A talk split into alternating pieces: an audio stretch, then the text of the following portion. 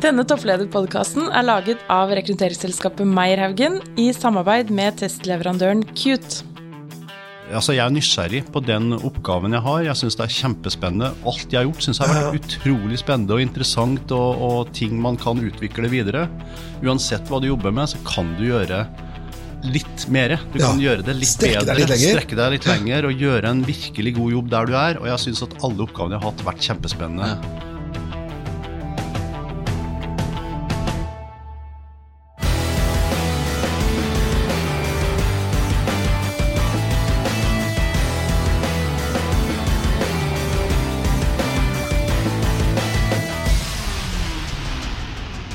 i dag er vi så heldige at vi har fått en ordentlig spennende gjest, eh, Sverre. Det har vi. Dette blir veldig gøy, for dette er jo første episode av topplederpodkasten vår. Ja, Og vi topper jo laget fra start av. Det er Odd Arild Grefstad. Hallo. Hei sann, god dag. Ja, Du er jo en kjent person i næringslivet, men for de av dere som ikke har hørt om uh, Storbrann og toppledelsen der, kan ikke du fortelle meg litt om De som ikke har hørt om Storbrann, burde jo kanskje Da har du sovet i timen. For å si ja. Kan ikke du fortelle litt om, litt om din bakgrunn, eh, Odd Arild? Ja, jeg er jo eh, jeg er jo trønder, da, egentlig. Ja. Eh, men jeg har vært i 25 år i, eh, på Østlandet og 25 år i Storbrann. Eh, Ja. Men dialekten din, den har du ikke mista? Nei, altså noen påstår når jeg kommer hjem at jeg har mista den, men eh, likevel, jeg prøver å holde så godt jeg kan på en del av det, i hvert fall. Men hvor i Trøndelag er du kommer fra? da? Jeg kommer fra Løkken Verk. Eh, det er et sånn gruvearbeidersamfunn eh, på Løkken, så jeg har faktisk Skal bare én generasjon tilbake. Far min og bestefar min var gruvearbeidere på gruva på Løkken Verk. Er ikke det spennende? Hvis du tenker sånn samfunnsutvikling, da, som jeg syns er interessant, altså. så har du da eh, gruvearbeid som er en beinhard jobb, Absolutt. og kanskje ikke blitt, fått den æren de fortjente da, for å bygge landet. Og da har du gått en generasjon, og så er man da på toppen i næringslivet i Norge. Ja, er ikke det, litt spennende? Du vet den amerikanske drømmen, den er norsk, Ja, den, egentlig. ikke sant? Ikke sant? Men det setter jo, det setter jo ting perspektiv på hvor, hvor fort ting har utviklet seg i vår levetid. Da. For jeg har en onkel som frøs i hjel når han gjetter kuer. Ja. Og det er jo Det, det er drøyt. Ja. Det, jeg tenkte vi også skulle bli litt bedre kjent med deg, og Arild, og det er gå litt på dette med passion. Når du på en måte tenker at dette er et tema jeg liker å prate om, da bruser blodet, og jeg kan prate om det i timevis. Hva slags tema skulle det vært? Nei, altså Jeg er veldig glad for å være her i dag. da Ja, For å hyggelig. snakke om ledelse og snakke om team og det å bygge team sammen. For meg så er ledelse det er å oppnå resultater gjennom andre. Og jeg merker at jeg er mest i flytsonen når jeg har folk rundt meg som jeg kan oppnå resultater sammen med. Ja. Og, og, jobbe mot et mål og nå de målene rundt det. Så det syns jeg er fantastisk spennende å få lov til å gjøre det hver eneste dag. Så spennende. Hvis, hvis, vi, hvis vi beskranker det litt da, og sier at du ikke har lov til å snakke om jobb, hvilke private, eller har du noe Ja, da er det jo mye greier. Altså, det er klart at det, det tar jo mye tid å være toppleder. Eh, og så har jeg en familie med tre barn, eh, fra 15 opp til 22 år. Det bruker jeg en god del tid på, naturligvis. Og så når jeg virkelig skal gjøre noe for meg selv, da må jeg innrømme at da er det jo jakt som er liksom passion. Da. Og det treffer deg, Sverre, det vet jeg. Det treffer meg midt i hjertet. Det å dra Det var riktig svar. Det var, jeg var veldig glad du ikke sa fotball. Ja, nei, altså, jo, jeg følger jo med på eh, Rosenborg og Manchester United også, selv om det er litt nedtur for tiden. Men likevel. Det Ja, er, jeg er også sånn Manchester United-supporter, og eh, jeg må si at det er ikke medgangssupporter, det er motgangssupporter. Ja, ja. Men vi, vi, står, vi står med Ole Gunnar, gjør vi ikke det nå? Ja, så Vi står i hvert fall med Manchester United. Ja, Eh, det vil jeg jo si at vi gjør. Ja, For han kommer til å få sparken snart. Det er vi ganske, det er ganske sikre på. Og vips, så ble praten om fotball likevel. Nei, men Vi må heller snakke om jakt, jeg er enig i det. For meg, så, for meg så er det rypejakt. Altså Det å gå i fjellet på høsten med de fargene og alt det, og få liksom brukt seg selv en hel dag og gå rundt der. Det er jo helt fantastisk. Det er fantastisk, jeg kjenner jeg altså. får nesten gåsehud av å høre deg snakke om det. Har du vært ute nå i høst? Jeg har eller? vært et par gode runder i høst, og det har vært godt med ryper oppe i Trøndelag i år. Så Er det har vært med hund eller uten? Jeg er både med og uten hund. Jeg er vant til å gå uten hund sammen med far og bestefar og sånn fra gammelt av, men nå i siste har jeg hatt det privilegiet med å ha med hund, da, så det har vært bra. Og dette her er sånn, Vi burde jo egentlig hatt en podkast om jakt. Men, Ja, det, og da hadde, da hadde Odd Arild blitt den første gjesten vår da også. Men jeg tenkte vi kunne gå over til en fast spalte vi skal ha her, Sverre. Ja, fordi vi, vi kommer jo nå til å snakke om, eh, om, toppleder, om toppledelse og det å være toppleder. Men, om, men mot slutten så skal vi stille deg tre kjappe, litt personlige spørsmål. spørsmål. Og så presenterer vi de nå, sånn at du får høre dem. Men du får ikke lov til å svare på dem før mot slutten. Og så kan jo også lytterne våre også tenke litt Hva ville dere svart hvis dere fikk de spørsmålene? Ja, og det, det vi kommer til å spørre om da Når vi runder av på slutten her Det er en Hvis du skal anbefale en bok Til de som har lyttet til denne podcasten Hvilken bok ville du anbefalt da? Og da kan du velge selv om det skal være faglitteratur Eller eh, fiction eller hva det skal være Det, og det spørsmålet er litt inspirert at du var på nattbordet til DN i går. Ja, det er- er det lov å spørre om? Ja, det. Eh, Og det andre spørsmålet vi, lyst vi, vi skal stille deg Det er hvis du skulle gitt ett karriereråd Til de som kanskje har en toppleder i magen eh, En eller annen gang i fremtiden Hvilket råd ville du gi dem da? For du har jo tydeligvis gått en løype og lykkes med dette eh, Og siste, så snur vi litt på den andre veien Og så sier vi Hva tenker du er den største tabben man kan gjøre som toppleder? Og de skal du få lov til å tenke litt på Så tar vi det opp Ja, til nei, slutt det er godt jeg har litt tid. Ok, dette kommer vi da til tilbake på slutten av podkasten, men nå skal vi da uh, spørre om dette med topplederlivet. Og, og Daril, hvordan er det å være toppleder? Jeg tror det er mange måter å være toppleder på. På samme måte som det er mange måter å leve på uansett. Eh, Det er klart det er en hektisk jobb, det er mye ansvar. Eh, Du er tilgjengelig døgnet rundt. Eh, Så det er ikke liksom noe sånn nå er det hjem, og så er man fri. Det er ofte mye møter, mye folk å forholde seg til. Dagen består jo om å møte folk. For som jeg sa, det, ledelse er jo å oppnå resultater gjennom andre. Så det å møte de folkene som da faktisk skal levere resultatene, finne ut hvordan ting henger godt sammen, jobbe med både interne team og jobbe opp mot styret internt, det er mye tid. Eh, Og så er det jo eksterne. Man bruker mye tid på investorer, investor relations, eh, reiser i inn- og utland rundt det. Så er det klart at det forventes også at man representerer bedriften på mange arenaer, så det er mye også eh, middager og kvelder som det forventes at man bruker tiden sin på. Så ja, det er jo en hektisk hverdag å være toppleder, men det er utrolig morsomt også, da. Man får være med å påvirke, man får være med å sette retning, man får jobbe med spennende ting. eh, Storbrann er jo en bedrift som bl.a. forvalter over 700 milliarder kroner. Verdien i de pengene for 1,9 millioner pensjonister i Norge er jo kjempeviktig. Så jeg føler jo det er en viktig jobb eh, jeg forvalter med disse pengene, bl.a. Og så er det jo utrolig mye vi kan påvirke med disse pengene også. Bærekraft og elementer som det som også er mitt hjerte veldig nær, som vi sikkert kommer til å komme inn på. Ja, altså jeg tenker sånn, Å være toppleder, da, sånn som du beskriver nå, så er det en ganske hektisk hverdag. Det er jo ikke noe det er ikke noe 8-4-jobb. Mm. er det Det er sånn 24-7 mere. Ja. Men tynger dette lederansvaret? Eller er du, tenker du at dette er en mulighet for å få utrette noe? Jeg skal være ærlig at det er, eh, det er både òg. Altså, Det er jo Når jeg tok over i 2012 og det var en veldig krevende økonomisk uh, situasjon Aksjekursen var veldig lav, det var nye krav som kom med solvens, rentene var lave da også. Så, så følte jeg at det var et uh, stort ansvar det å liksom ta over denne bedriften som tross alt da nærmet seg 250 år. Det er som å ta over en uh, gårds, eh, gårdsbruk i Trøndelag og føle at du skal levere det bedre til neste generasjon enn det du tar over det sjøl. Så det er klart at det, det er krevende det da å sikre at du gjør det. Men samtidig så er det jo noe med 2000-3000 ansatte, det er med kunder som sagt i Norge og i Sverige på nesten to millioner. Det er et merkenavn, det er så store muligheter rundt uh, dette selskapet og denne kraften hvis man får jobbet sammen på det, at det er jo utrolig uh, motiverende og spennende også. Da. Og når det går oppover, så er det jo kjempemorsomt. Ikke sant? og, og nå er det altså Det er syv år siden. Det er syv år siden, faktisk. Det er rart å tenke på. Ja, og, det, og det har jo skjedd litt ting på, det, på syv år. Veldig. Hva, hva, hva, hva tenker du, hvis du tenker tilbake på den reisen, da? Hva er liksom de store, store endringene siden du startet? Det er veldig mye som har skjedd. eh, Både mm, kunde, markedet, regulatoriske endringer. Den store endringen er jo at vi egentlig har gått fra at det har vært sånn eh, bedriftsbetalt eh, pensjon, til at det har blitt mer et, et, et privat marked rundt pensjoner. Nå kan du bestemme mye mer selv. Før så hadde vi ytelsesordninger som gjorde at eh, ja, du kunne slippe å tenke på dette. Nå må du ta mye mer personlig ansvar. Det gjør at vi må være mye mer tydelige til enkeltindivider i bedriften enn det vi var tidligere. Så har det skjedd utrolig mye på det regulatoriske. Vi har fått eh, krav fra EU som vi må forholde oss til rundt kapitalkrav, som var noe helt annet enn det det var eh, for åtte til ti år tilbake. Så, og så ser du jo masse rundt eh, bransjen. Nye aktører kommer inn. Det er digitalisering, det er bransjeglidninger. Vi ser at vi konkurrerer med litt andre aktører enn det vi har gjort før på en del områder.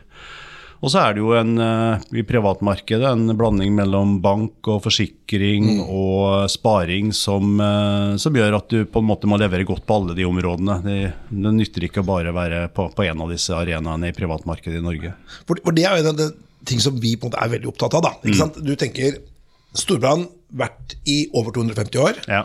Jobbet da med, med Det har jo skjedd endringer de, første 250 årene, men jeg har en hypotese på at de neste kanskje 10-15 årene så vil det kanskje skje ganske store endringer, kanskje mer enn det har skjedd de siste 250, i forhold til distrupsjon. Men hvis du skulle sett litt inn i glasskula da, på, på din bransje, hva tror du hva kommer til å skje de neste la oss si, 5-10-15 årene i din bransje? Hvordan er det noe distrupsjonsfare eller muligheter der?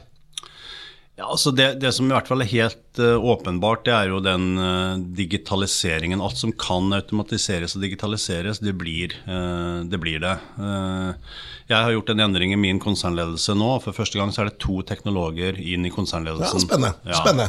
Og Det sier noe om hvordan finansbransjen utvikler seg. Noen går så langt som å si at finansselskaper har blitt teknologiselskaper. Jeg vil ikke si det, men teknologi er en utrolig viktig komponent i alt det vi gjør. Og det driver også veldig mye av den, eh, den utviklingen vi ser. Du må være til stede på, eh, på teknologiske plattformer, både for å ha kostnadseffektivitet, men også for å møte kundene dine, om det er i et bedriftsmarked eller et privatmarked. Så Det er liksom grunnsteinen å være gode på det. Og så er det en personal touch på toppen av det, der du skal være tilgjengelig via chat, via eh, Vi har muligheter til personlige møter, men det kommer på toppen av en digital eh, grunnplattform som må være solid og god og gi helt eh, fantastiske kundeopplevelser. Så, så den, den utviklingen den ser vi jo, men den kommer vi til å se mer og mer av. Og det gjør at vi også konkurrerer mer med teknologileverandører, det å, det å produsere kontor og produsere fond etc., det er én oppgave. Men eh, kampen står jo om hvem har kontakten med kundene. Ikke hvem er plattformen som har dialogen med kundene. Og der, eh, der skjer det jo mye. Der er det mange som eh, fremover vil kjempe om det. Ja. Og de, Dere gjør jo veldig mye spennende på rekruttering, vet vi. ja. Med spennende internships annet mot Absolutt. unge mennesker. Eh, og så vil jeg tro, som du sier, ikke sant, to teknologer inn i toppledergruppa, at teknologikompetanse en viktig ting forover. Hvordan, for der er det jo skjedd en veldig stor endring bare de siste syv årene, med tanke på konkurransen i markedet. Ja. Eh, hva, hva tenker du rundt rekruttering? Hva er, det- hvor ligger utfordringene på den siden? Altså, jeg tror alle, uansett nesten selskap og bransje, kjemper jo om å få de gode teknologihodene. Så det å virkelig klare å, å, å fremstille bedriften som det jeg mener den er, da, en, en fremtidsrettet, moderne bedrift som virkelig tilrettelegger for, eh, for teknologer for å kunne utvikle seg, til å jobbe på moderne måter.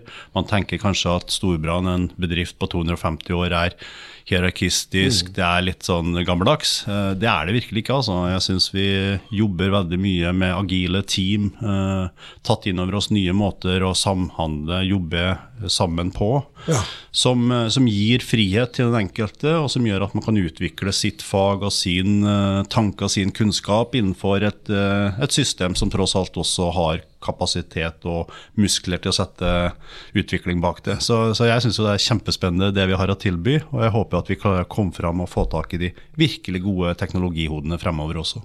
Men du, jeg tenkte vi skulle gå et steg videre nå, da, for det vi er interessert i, da. Vi har en sånn en modell som vi jobber ut fra i forhold til denne podkasten. Ja. Og det er, vi tenker sånn 360 grader, og da tenker vi over deg så er du eiere, styre. under er jo en toppledergruppe og medarbeidere. Og så har vi da på en måte det som har skjedd før. Hvordan ble du toppleder? Og så er det da hva gjør du etter du har vært toppleder? Ja. Det er liksom vi, vi, vi tenker litt, da, for det er en, eh, en modell vi jobber litt ut fra. da Men jeg tenkte vi skulle begynne på litt den derre veien til toppledelse. da Var det jo sånn at sant, Noen drømmer å bli brannmann og politi eller lege, mens du drømte du om å bli jeg skal bli toppleder i Storebrand. Det er liksom min drøm. Når du satt oppe i Trøndelagen og speida etter eh, dyr du kunne jakte på. Hva tenkte du? Nei, å, nå Nei, det, det var virkelig ikke det, altså. Det, det føler jeg at uh, Altså, jeg tenkte litt på det når jeg skulle komme hit. Hva var liksom uh, bakgrunnen der? Jeg føler at det var en veldig altså, Det var en god oppvekst og en trygg og, og god måte å ja, gå på skole og være i et lokalsamfunn med sport etc. Men, men jeg var jo f.eks. aldri en elevrådsformann. Jeg stakk meg ikke fram på den måten. Nei, jeg likte å, å jobbe litt mer i kulissene og, og med folk. eh, Men hadde ikke noe behov for å liksom være leder. Det er aldri det som har drevet meg, faktisk. Men når de, tro, når de skjønte du at du kunne bli toppleder, da? Nei, altså Det skjønte jeg ganske Det skjønte jeg nesten ikke før jeg var det, tror jeg. Nei, det kom Nei, litt bardus på deg? Jo, men, men jeg tror det litt kanskje sånn. Jeg tror kanskje det er litt av kjernen, for det jeg har vært veldig opptatt av alltid, det er å Altså, jeg er nysgjerrig på den oppgaven jeg har. Jeg syns det er kjempespennende. Alt jeg har gjort, syns jeg har vært utrolig spennende og interessant, og, og ting man kan utvikle videre. Uansett hva du jobber med, så kan du gjøre litt mer. Du Ja, kan gjøre det litt strekke deg litt strekke deg litt lenger og gjøre en virkelig god jobb der du er. Og jeg syns at alle oppgavene jeg har hatt, vært kjempespennende. Og da er det mer sånn at i stedet for at jeg har da aktivt søkt meg til nye utfordringer, så har jo det blitt oppdaget og sett, og så har jeg fått nye muligheter. Uh, Så det har egentlig vært omgivelsene som har trukket deg videre, er istedenfor at du har vært en sånn karrierist som har Ja. posisjonert deg strategisk for å nå disse posisjonene. Jeg har aldri tenkt på hva skal jeg gjøre om fem år. Det er noen som har har år. deg på ryggen og sier du, Odd Arild, du, jeg tror vi velger deg, jeg. Ja, det har vært litt det, altså. Men dette, dette er jo veldig interessant. Og det er særlig spennende fordi det handler jo om dette med fokuset på egentlig å få gjort jobben. da Fordi vi snakker jo med mange mennesker som har en ambisjon om ledelse. Og det er litt sånn når du snakker med mange unge mennesker, så er det jo Ja. litt sånn umodent perspektiv på dette. Ja. Og vil bli leder for å bli leder. Men hvis du ser på da eh, Hvilke trekk er, tror du det er de har sett i deg, da som har gjort at de har dratt deg fram? Altså jeg tror jo de har sett at eh, Jeg skal jo, må jo si at jeg har jo virkelig stått på i de jobbene jeg har gjort. Jeg har lagt inn de timene som trengs. Så det er hard, hardt arbeidende. Hardt arbeid. Hardt arbeid over lengre perioder. Det, Man kommer ikke utenom det. Altså, det er utrolig hva, hva dedikasjon og, og hardt arbeid kan eh, ja, eh, bøte for manglende andre egenskaper. Ja, for det er noen som sier at de, de, de mis, er, mange blander sammen hardt arbeid og flaks. Ja, ja. og det er derfor Nei. de ikke har flaks. Ja. er jo et gammelt ordtak. Ja. Men du har hatt, uh, hatt, hatt arbeid som har liksom vært din drivkraft her. Ja, ja, det har vært mye av det, men samtidig så er jeg også ut- jeg, jeg tror jeg har vært flink til å omgi meg med folk, eh, og både plukke folk etter hvert, men også sikre at jeg jobber sammen med folk som, som jeg har klart å gi energi, og som gir meg energi. Ja. Eh, Det å jobbe i team, det å jobbe sammen med andre, oppnå resultater sammen med andre. Jeg tror alle noen gang eh, i jobb har oppdaget at man liksom merker at tiden har bare flydd. Ja, ikke sant? Altså Man har kommet inn i en flytsone, Ja, ja, og så plutselig Oi sann, er klokka blitt så mange? Det er da du har det morsomst på jobb, når bare tiden flyter. Og det har jeg når jeg sitter sammen med et team og føler at vi kommer videre, vi løser oppgaver, vi får dette til. Ja. Og da har det ikke så mye å si om det er meg eller deg Nei, eller hvem sant? som har gjort det. Da er det vi som har fått dette til. Det syns jeg er utrolig spennende. Men et oppfølgingsspørsmål der, ikke sant? Du, du, du, du sier at du har liksom blitt dratt mer av andre rundt deg har forfremmet deg, da, enn at du har søkt posisjonene. Altså, jeg har jo hatt ambisjoner og syns at jeg også etter hvert har blitt uh, kommet til nivåer som gjør Ja, at jeg det er naturlig steg å ta. Det er naturlig steg å ta, Ja. og få mer ansvar. Men Ja. la oss si at sant, Hvis du tenker en pyramide, da, så er det jo veldig mange mellomledere i forhold til toppledere. Ja. Og det vi har lyst til å prate litt om nå, er hva tror du er den største forskjellen mellom mellomledere, da, de som er klassisk mellomledermateriale, Mm. og stopper der? For de aller fleste toppledere har jo vært mellomledere. Du, Hvis du ikke er en sånn gründer eller familiebedrift, så, så har du ofte gått gradene. Men Hva vil du si er den største forskjellen mellom en mellomleder, som er en klassisk mellomleder og vil være der, og en toppleder? Altså For det første jeg har utrolig respekt for mellomledere. Det er vanskelig jobb. Eh, det er en krevende jobb, altså. Eh, Du må forholde deg til eh, rammebetingelser over deg på en veldig tøff måte, og så har du ofte en ganske operativ hverdag i tillegg til at du skal lede mennesker. Det å være toppleder det er jo ikke en like operativ hverdag. Det er mye mer ledelse gjennom andre. Ja. Største forskjellen er nok at når du har vært mellomleder og blir toppleder, det er å klare å gi slipp. Ja, Ja. ikke sant?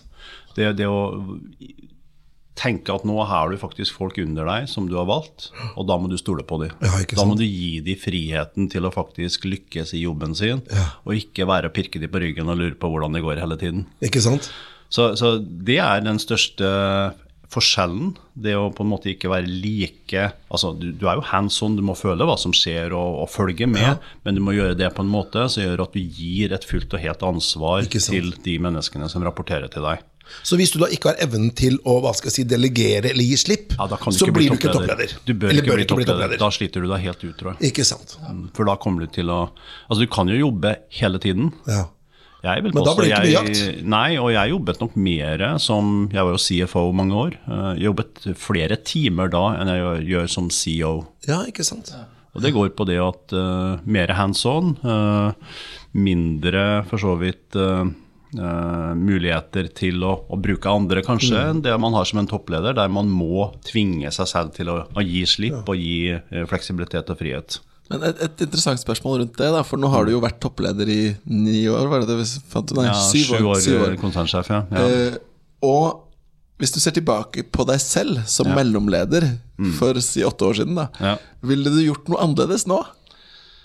Vi ville gjort noe annerledes nå eller da, mener du? Ja, litt sånn med det du kan, så, det du har lært som toppleder. Altså, ville Ja. du angrepet mellomlederjobben annerledes? Ja, så det Også på det nivået så er det klart at du, du skalerer mer som leder hvis du klarer å få teamet rundt deg og medarbeiderne dine til å faktisk levere godt, i stedet for at du tror at du skal ha svaret på alt sjøl. For det er jo, altså, det er jo min, det, det å ha en ydmykhet inn i lederrollen som gjør at du nødvendigvis ikke tror at du har alle svarene selv, da, men at du bruker folk rundt deg, teste problemstillinger, eh, få løsninger sammen med andre, eh, og derigjennom også kan du delegere mye mer og gi slipp på for så vidt eh, å eie nødvendigvis alle problemstillinger og svar og konklusjoner selv. Eh, det tror jeg nok jeg skulle kunne gjort enda bedre i, i tidligere år. Ja. Men jeg tenkte vi skulle gå videre på dette her med den 360 vi pratet om. da. Dette med eiere og styre. Ja. Så hva vil du si er det ideelle styret, ideelle eierne? Liksom, hva, hvordan skal de kunne spille en toppleder god? Ja, det er, eh, det er et godt spørsmål. Altså, en, en, en, eh, et styre skal være støttende, men krevende. Ja, ikke sant? Det er eh, det viktigste. Altså, den skal være kan ikke på en måte være på, på tvers av en administrasjon. Det er en administrasjon som, til, som skal levere resultatene, og som hele tiden må backes for å levere de resultatene og de målene som er der. Eh, Og, og styrets viktigste oppgave er jo å plukke konsernsjefen og sørge for at han får på plass et, et godt eh, team. Samtidig så skal jo også styret pushe administrasjonen videre, slik at man ikke blir tilfreds med det man har oppnådd. eh, Det at man setter nye strategier, nye mål, eh, setter ambisjoner, strekker seg litt lengre og utfordrer, men også gir innspill på hvordan man kan gå den veien der. Det er et, eh, et godt styre. Så en kombinasjon av igjen å kunne gi nok slipp til at man forstår hva som er et strategisk nivå i et styre, kontra et operativt nivå. Man skal ikke sitte og drive med operative problemstillinger Nei, i et styre. Og Og det, det tror jeg mange gjør feil på. Å Ja. begynne å detaljstyre og detalj være opptatt av, av, av det, men, men, men klare å gi slipp nok på det, samtidig med at man eh, har kunnskap om de forskjellige fagområdene i styret. Ikke alle personer har alt, men at det finnes fagkunnskap på de områdene man er i og de markedene man er i, sånn at man både kan utfordre, men også gi innspill og støtte underveis. Det er vel det viktigste viktigste fra styret. Det er, det er en krevende jobb å sitte i styrer i store børsnoterte selskaper Har vi nok profesjonelle styrefolk i Norge, da? Er det, eller trenger man da eller Jeg hører jo mange toppledere da, som beklager seg litt over styret sitt. Enten at de er for detaljerte, eller at de er for mange styreverv. De, de er liksom ikke den sparringen og støtten de trenger for å gjøre jobben. da. Eh, og de Ja, men trenger man et løft på styremedlemmer i Norge, tror du? Altså det som er i hvert fall veldig klart, at det er en utrolig viktig oppgave. Ja. Og øh, vi har jo hatt mye diskusjoner rundt styret, bl.a. styrehonorarer. Eh, og jeg er jo av de som mener at uh, styrearbeidet har utviklet seg på en sånn måte at det bør uh, også gis et løft, sånn at vi sikrer at de beste faktisk ønsker og Ja, sitter og tar dette ansvaret. Ja. Eh, Det går på kompensasjon, det går på statusen rundt å sitte en styreleder i et stort børsnotert selskap. Tror jeg fort kan bruke 20-25 Ikke eh, av en full jobb eh, i, i den rollen. Eller bør nesten gjøre det, for å følge med på det som skjer i de markedene og, og det selskapet man er. Så et løft rundt det, det tror jeg hadde vært veldig bra. Og i finans, altså der er det også begrensninger nå. Du ser at du kan ha det er vel fire eller fem eh, verv, styreverv hvis du sitter i et finansselskap. Ja, nettopp. Og det også gjør jo begrensninger i egentlig hva du kan engasjere deg i hvis du sitter i eh, styret i et finansselskap, og, som gjør at det, det bør være riktig kompensert også. Ja. ja Hvis, vi, hvis vi vender nesa fra ovenfra og nedover, da, holdt jeg på å si, til laget under deg, altså toppledergruppa di, Ja. hva skal til for, hva tenker du om det? Hva er liksom den ideelle toppledergruppa? Ja, det har jeg jo tenkt mye på. Eh, og som sagt, jeg har jo nettopp eh, gjort en, en, en ganske stor endring og fått på plass en ny, eh, en ny konsernledelse nå. da. Eller ny og ny, det er i hvert fall en del endringer som har skjedd eh, i, den, i den konsernledelsen. Eh, igjen så er det jo en, en Det må jo være flinke, smarte folk. Det starter jo med at du har kapasiteten og, og hodet på rett plass. Eh, Det gjelder jo alle den, disse, denne type jobber. Så må du kunne faget ditt. Jeg snakker ofte om en T-profil. Det har dere sikkert også Ja, snakket mye om. Altså det at du har den der, Dybden og bredde. Ja, dybden og bredden. Det er det som trengs. Du må, du må kunne noe godt. eh, og det er derfor du på en måte har kommet til det nivået du har innenfor området ditt. Samtidig så må du kunne forstå helheten. Og i et konsern som Storbrann så må du da forstå hele eh, selskapet, hvordan det henger sammen, hvordan de forskjellige delene henger sammen. Og i den T-profilen, den bredden, så, så legger jeg også samarbeidsegenskaper. Det er kanskje det jeg er blitt mest eh, opptatt av eh, etter hvert. Det er Altså Du kan være så flink du vil, men hvis du ikke har de rette holdningene til samarbeid, der du klarer å se at eh, konsernet er viktigere enn enheten og selskapet, ja, så kommer du ikke til å lykkes i en konsernledelse. Men et spørsmål der, da. Det er sånn Hva skal jeg si Den vanskelige samtalen, eller egentlig liksom, den kjipeste delen med å både, å være leder eller toppleder, da, det er når du har en person under deg, da. En leder som da ikke gjør jobben sin. Eh, Det bør ikke være av vond vilje, men de får ikke de resultatene. Nei. Hvor hard er du i klypa da, med å tenke at her, dette går ikke. Og du vet innerst inne at det kommer ikke til å gå i framtiden heller. Nei. Det er det vanskeligste som er. Ja, Eh, og jeg er jo glad i folk, så Ja. da, er det, da er det vanskelig. Ja. Eh, men, men som regel altså på, på dette nivået så er det også sånn at det, det er jo ikke, en, det er ikke noen bomber som skjer. Det er jo ting som utvikler seg over tid. Man, eh, får, eh, man er, vet hva som kreves. Eh, ofte så ser man jo da i fellesskap at dette eh, er ikke bra. Ofte så har den personen som det gjelder også det ikke er veldig godt med seg selv i forhold til Mm. De man lykkes selv med. også at det De ikke går så vet bra. det ofte selv. Og så tror jeg det, det, vik- det rådet jeg kan gi, det er i hvert fall som toppleder, eh, stol på den magefølelsen du, du har og får. Mm. For eh, lærdommen er at det der tar man heller tak i litt for sent enn litt for tidlig. Og man angrer aldri på de grepene man tar og, og det man gjør. Eh, Og man tenker ofte at jeg skulle vel egentlig ha gjort det litt før. Du angrer heller på det.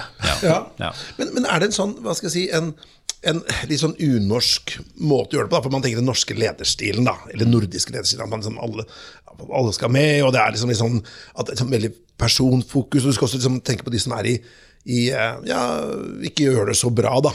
Men eh, så når jeg var på Harvard for noen år siden, da sa man at det, hvis det er en person som ikke funker, så er det to råd.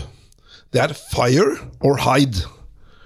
Hyde. Ja, altså Hvis du ikke får sparka de, da, for det skjer jo, liksom, da er det bare å gjemme de på et eller annet loft.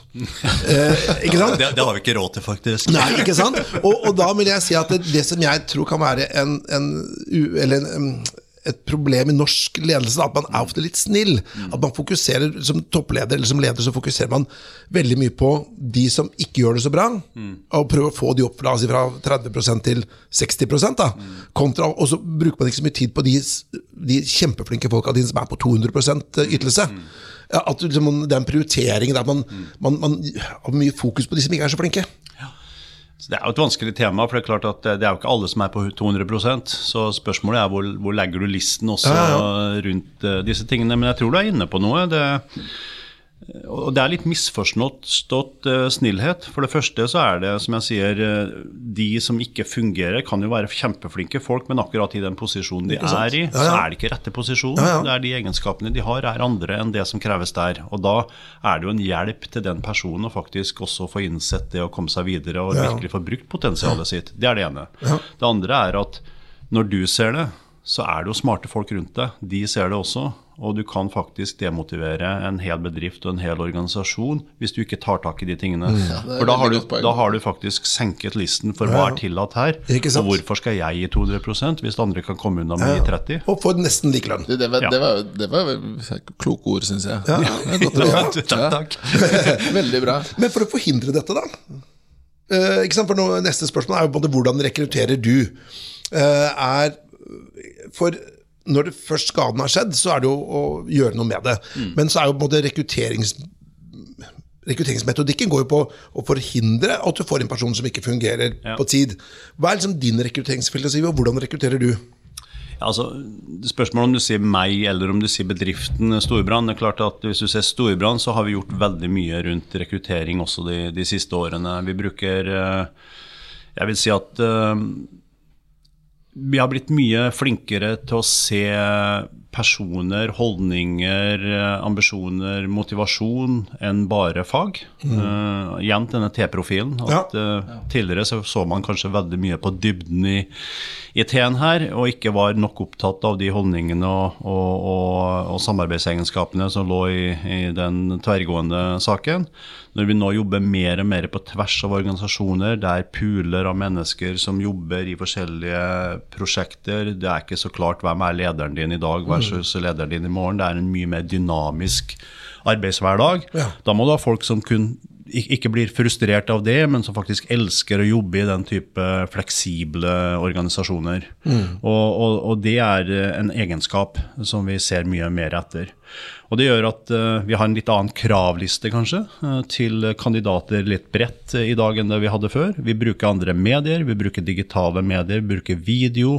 Vi er på presentasjoner i bedrifter, vi har internship-systemer, sandbox eh, som vi har i Storbrann nå, for å tiltrekke oss tverrfaglige eh, team som begynner å jobbe med konkrete oppgaver over sommeren, som har vært veldig vellykket for oss. Så vi bruker andre mekanismer for employer branding og for å tiltrekke oss både nye kandidater og også personer med erfaring enn det vi har gjort før, og som, som er mye bredt. Og det er jo også en war for talent her, eh, på veldig mange områder.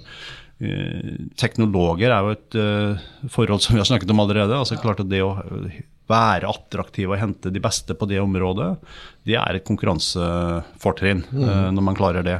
Men dere har også en veldig velfungerende HR-avdeling i, eh, i Storbrann. Jeg er veldig fornøyd med det, det, Vi hører jo rykter om at der er det ordentlig mye vasse folk som jobber, og er, og det er up to speed. Ja, Tove Selnes som leder den, gjør en kjempejobb. Og hun Ja. har også nå uh, kommet inn i konsernledelsen, så nå er people i, i, i konsernledelsen sammen med teknologer. Og det føler jeg Vi har jo liksom slagordet det er 'people first, digital always'. Ja, ikke sant? Eh, og det er, eh, det, er folk, det er folk som gjelder, selv om det er det digitale som ligger i bunnen. Men hvis vi nå, hvis vi nå skulle liksom bare opp, eh, oppsummere det du sier, da. Storbrann. eh, verdiforslaget til kandidater, hvis vi tenker litt overordnet på tvers. Er det Ja. tverrfaglighet, eller hva er liksom Det er mye samarbeidsegenskaper og holdninger. Og så er det jo slik at vi har jo jobbet med sustainability, bærekraft, nå målrettet i 25 år. Eh, Det er tre-fire generasjoner konsernsjefer som har trodd på det og, og virkelig eid den uh, visjonen. Vi blir jo Det tror du på? Jeg tror veldig på det. eh, og jeg tror at vi kan gjøre en forskjell med de 750 milliardene vi forvalter eh, der ute. For det er eierskap til bedrifter, både hvem vi velger å ikke eie, dem vi kan påvirke og de vi kan eie mer av. Og så Med våre langsiktige få penger. da, for han jobbet jo i Norges Bank, der Ja, jeg jobbet også. Ja, og et supertalent. Jeg var, eh, han var uh, kjempeflink fyr. Og så så at han ble sånn sjef for bærekraft. hos er dere, og tenkte bærekraftsjef. Fader Ulland, der var det heldige. Han var I 20-årene. Så Ja, det, er, det er den type mennesker som virkelig tør og Ja. brenner for noe og kommer inn med det. Det er, eh, det er kjempeviktig. Så har dere vært flinke på synlighet rundt dette, men jeg, da, for jeg i hvert fall har lagt merke til da, at dere er synlige på dette som går på investeringer, bærekraftige investeringer. Da. Absolutt. Så der har Altså, dere gjort en bra jobb, det, tror jeg. det har vi jobbet med målrettet over 25 år. og vi ble jo også kåret til verdens mest bærekraftige finansselskap i Davos for eh, to år siden. Så det er klart at eh, dette har jo blitt lagt merke til også. Ja. Men, men jeg svarte ikke helt på, for du sier hvordan jeg rekrutterer. Ja, jeg- er du veldig hands on, da? Nei, ja, Liker du å være hands on og jeg, jeg, jeg, jeg selv, eller elsker å være med på rekruttering, og jeg var mer med på det når vi hadde vårt uh, trainee-program tidligere. Da satt vi og var i rekruttering av alle sluttkandidater. Um, nå er jo mer det min rekruttering til toppledelsen, når jeg gjør endringer der. Mm. Ja. Og, og det jeg ser, at det er jo veldig ofte, da, eh, så er jo det internrekruteringer. Ja. Og det er en litt annen greie. For du selv har jo gått i gradene internt. jeg har startet jo som internrevisor i Storbrann, så det er ikke den mest vanlige karriereveien fra internrevisor til, eh, til konsernsjef. Men, eh, men det har vært de gradene og de stegene og veldig mange forskjellige jobber før jeg da kom dit jeg er nå. Eh, Men, men det er en litt annen prosess. Eh, altså Risken føles jo litt mindre nå, eh, i en internrekruttering, for da har du jo sett og kjenner folkene og ser hvordan de har fungert på, på de nivåene de har vært ja. tidligere. Og da, da er det jo litt andre ting som gjelder enn om du gjør en ekstern rekruttering, selvfølgelig. Men har du ikke nesten da egentlig bestemt deg at det egentlig bare handler om å bli enig? Ja, nei, altså Det er mye tro og tvil og hvordan du setter sammen team. Det er- har jo også med hvordan du, du deler opp organisasjonen din. Da. For er, noen kandidater kan fungere veldig godt til å ta én del av virksomheten. Det spørs jo hvordan du faktisk deler opp kaken til syvende og sist. Eh, Hvilke kandidater også. så det og Optimalt så bør man jo bestemme seg hva er en riktig organisering og finne de riktige folkene inn i det. I virkeligheten så er det ofte litt både og. Du må både tenke hva er de riktige folkene, og hva kan da en organisasjonsmodell være som fungerer med, med de folkene. Så, så det er liksom vekselvirkning dette med organisasjon versus eh, kandidater og folk. Du, jeg tenkte, Dette kunne vi prata om hele dagen, men vi må til, videre til neste post. Og En ting som er viktig for oss, dessverre, det er dette med lederskap og topplederskap og personlighet. Ja. Vi jobber jo uh, mye med folk, og det å forstå folk er en viktig del av jobben vår. Og da Ja. bruker vi bl.a. personlighetstester. Ja, eh, og Vi bruker eh, personlighetstester fra Cute, et av de mest anerkjente testleverandørene i verden. Ja, og Cute har jo en toppleder, topplederpersonlighetsmodell. uh, Så jeg tenkte å liksom diskutere noen av de faktorene som ligger inni den, og høre okay. liksom dine refleksjoner rundt Har dette hatt noen betydning for deg, eller har det noen betydning for deg. Og Da tar vi utgangspunkt i Cutes uh, Shapes Executive Test. Ja. Et av faktorene som vi har lyst til å diskutere der, det er dette med optimisme. For det ser man da at der er det en korrelasjon. Eh, Hvordan tenker du Hvor viktig er liksom optimisme for deg personlig som toppleder? da? Jo, jeg, jeg er nok i utgangspunktet optimist. Eh, jeg, jeg tror at det er ganske viktig eh, for å Både for å liksom orke å gå på.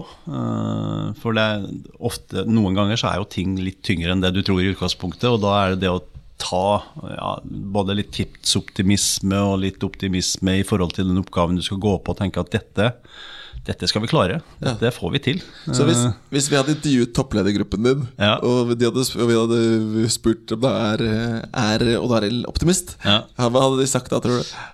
Ja, Men ikke noe sånn ekstrem. Altså, jeg tror nok det er eh, ganske realist, men med en liten tilt over til optimisme. Ja. Jeg tror nok For, det er for det det. er jo tankegangen. Hvis man, hvis man ser teorien bak sånne personlighetstrekk, da. Ja. Ikke? Hvis du tenker optimisme, da, så kan du være overoptimist, Ja, ja, og så kan du være ekstremt pessimist. Ja. Ikke sant? Men ofte er optimist en sånn, sånn positivt lada begrep. Ja. Men du har jo hatt personer Uh, jeg, ikke- Det har jo vært en historikk i, i mange selskaper, jeg skal ikke nevne navn her.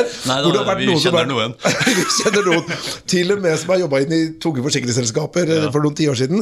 Som var kanskje litt for optimistiske og litt for, tatt litt for mye Møllerstrand. Uh, Og, og kanskje omga seg litt for mye med ja-mennesker. Og Det er my way or the highway. Eh, Ja, og så ikke begrensningene. Jeg tror også en kombinasjon av optimisme og karismatiske.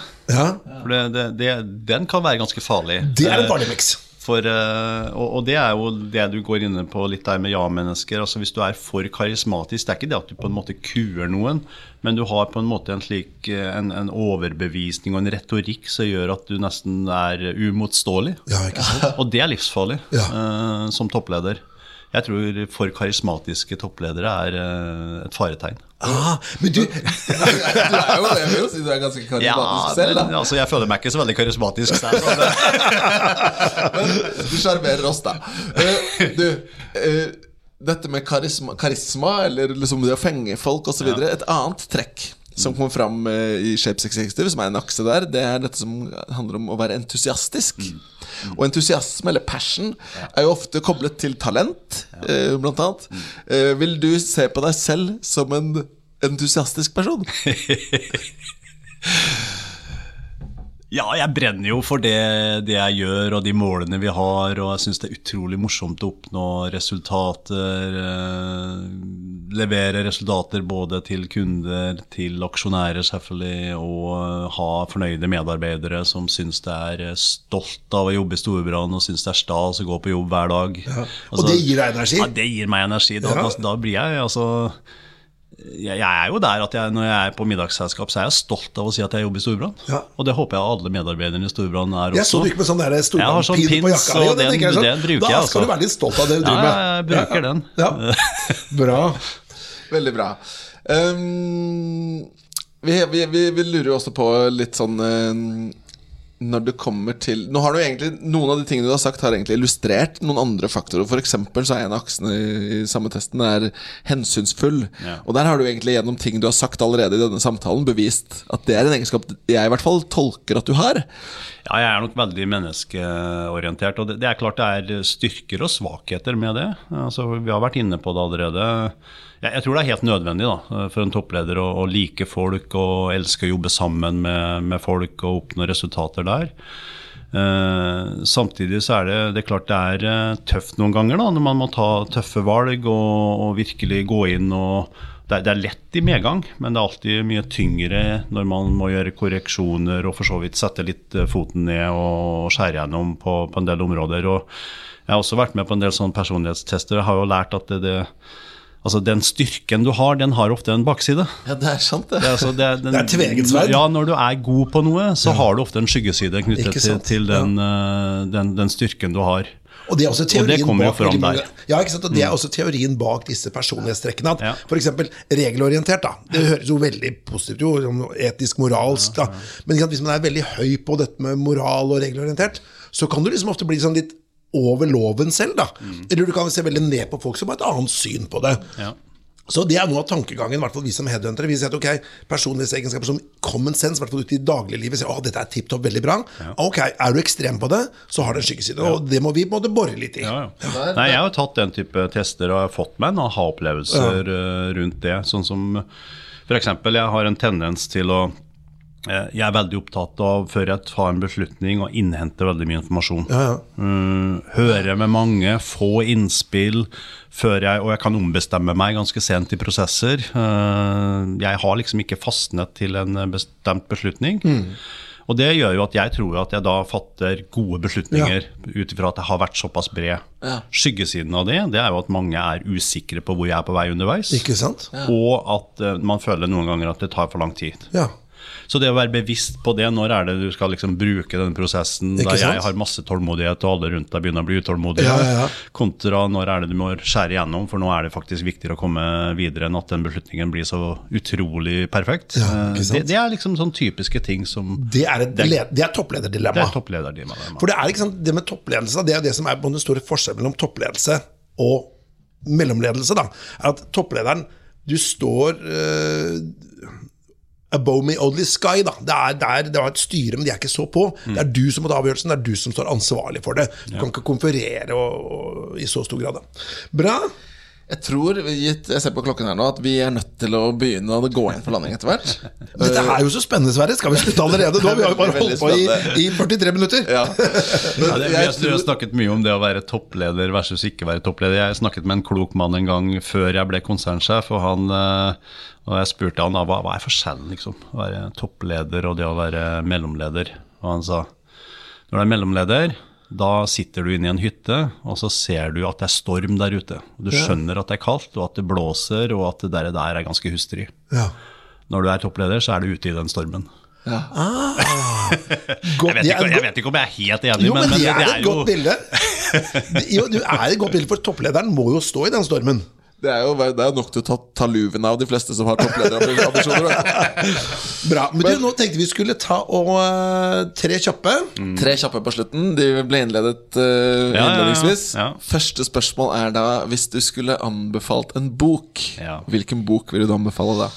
Ja, det er vanskelig der, altså. Jeg er faktisk en lesehest eh, opprinnelig, men jeg må jo si at det er blitt mye fag eh, etter hvert. Eh, hvis jeg da skal gardere meg, og så si at jeg både tar en litt sånn faglig, og så går jeg litt mer på Ja, sånn, Det til. sånn eh, prosaaktig, så Altså, En av de bøkene som jeg faglig har hatt mest glede av, det er jo en klassiker, men det er jo 'Thinking Fast and Slow' med, Ja, med ja. Kahneman. Kahneman, ja. Altså Ja. Den tankesettet der, å tvinge seg selv til faktisk å, å bruke eh, hodet litt lengre, eh, og virkelig tenke gjennom ting. eh, Den første ikke-økonomen som fikk Nobelsprisen ja, ja. i økonomi. Den er verdt å lese, den bør være Den er ganske tjukk. Det er 800-900 Ja, sider. Det er en altså- svær murstein. Men det disse amerikanerne sier jo det samme veldig mange ganger i løpet av den boken. Altså, du, må, kan jo, du kan jo bla litt. Ja, ja, jeg har lest den selv, ja, men eh, det tar sin tid. Ja, det gjør det. Så det er det ene. Men, men eh, jeg må innrømme, når jeg da skal slappe av og lese ting som inspirerer meg så Noen ganger så leser jeg jo selvfølgelig eh, mer krimrelaterte saker og sånn, jeg også. Men, men en som jeg syns er fantastisk til å skrive og beskrive, det er jo han eh, Murakami. Ja, ja. Ja. Fra Japan. Fra Japan. Ja, ja, ja. Altså Alle de bøkene hans, jeg tror det er lest de fleste av de nå. Eh, Men, men den måten han liksom maler fram historier og bruker ord på, det syns jeg er utrolig fascinerende. Gir er sånn jeg også. følelser. Du har lest det, Petter? Ja, ja, ja, ja. For, for jeg må innrømme at nå er jeg på blanke områder på kartet mitt. Altså. Nei, det er veldig spennende. det blir jo, jeg kjenner jo at jeg får lyst til å lese det. ja, den siste boka var 'Drapet på kommandanten'. Han Ja, kom med nå, så det er liksom han, ja, han beskriver liksom Japan i etterkrigstiden Ja, og den der uh, stoltheten som forsvant litt. Det er en veldig kulturreise, da. Det er det. Så det er, jeg synes, Og så er det det menneskelige og sosiologiske og individualpsykologiske. Nå, nå briljerer du, Petter. Som jeg skulle sagt. ok, ja, veldig bra. Uh, siste spørsmålet. Det Nest- er nest- nest siste, nest kanskje? siste. Nei, sorry. Nest siste. Det er jeg som hopper og hopper. og hopper. Nest siste. Hvis du skulle gi ett karriereråd til de som eventuelt har en aspirerende toppleder i magen, hva er det? Ja, Ut ifra det jeg har sagt, så må jo nesten det bli Gjør en ordentlig god jobb der du er. Uh, og ikke start med å ha aspirasjon med å være toppleder. Uh, gjerne tenke på hvordan du skal komme deg videre her i verden, og hva som er uh, smarte valg. Velg gode ledere. Det er kanskje nesten viktigere enn en jobben. Da. Noen som vil deg vel, og som gir deg gir deg muligheter videre fremover. Det har jeg vært heldig og hatt opp igjennom. Men eh, gi gjerne der du er. Eh, vær nysgjerrig på den oppgaven du får, og på en måte gjør det meste ut av den. Da går det deg vel her i livet. Veldig, veldig godt råd. Men du kan jeg bare utfordre det litt, da. Jeg bare spørsmål på det. For at hvis man da sier, for Det hører man jo jobb og stå på der man er. Og utgangspunktet er det perfekte rådet, og jeg er jo helt helt enig. Men du forutsetter at det er en organisasjon som er for, for, for rettferdig. da Ja. At du, du klarer å fange opp de talentene som står på. Ja. For jeg har vært i mange organisasjoner som Selvfølgelig gjør det også, men så er det jo alltid noen som sniker litt i køen. Da, for ja. de, ja, de er kanskje ikke så talentfulle, men de har en måte å kommunisere, de er litt mer oppadrettet. De, de, de um, klatrer litt uh, på tross av kompetanse, da. Det kan jo skje. Derfor så er det en kombinasjon med det rådet jeg sier, også velg dine ledere med humør. Ja, ikke sant? Altså, Ja. Det, er, det er utrolig viktig at eh, Og det, det er vanskelig, men, men eh, man kan bli blendet av en jobb. Men hvis det er en person du ikke helt stoler på, og som du ikke tror nødvendigvis vil deg vel, men bare seg selv vel, så skal man være litt forsiktig med å ta den jobben. Så kombinasjonen av oppgave, men også hvilken leder du får. Og spesielt i de første jobbene som former deg mye. Det tror jeg er veldig viktig. Så hvis vi skal oppsummere Fokuser på å gjøre en god jobb, og tenk over, altså velg, velg en god leder. Ja, bra.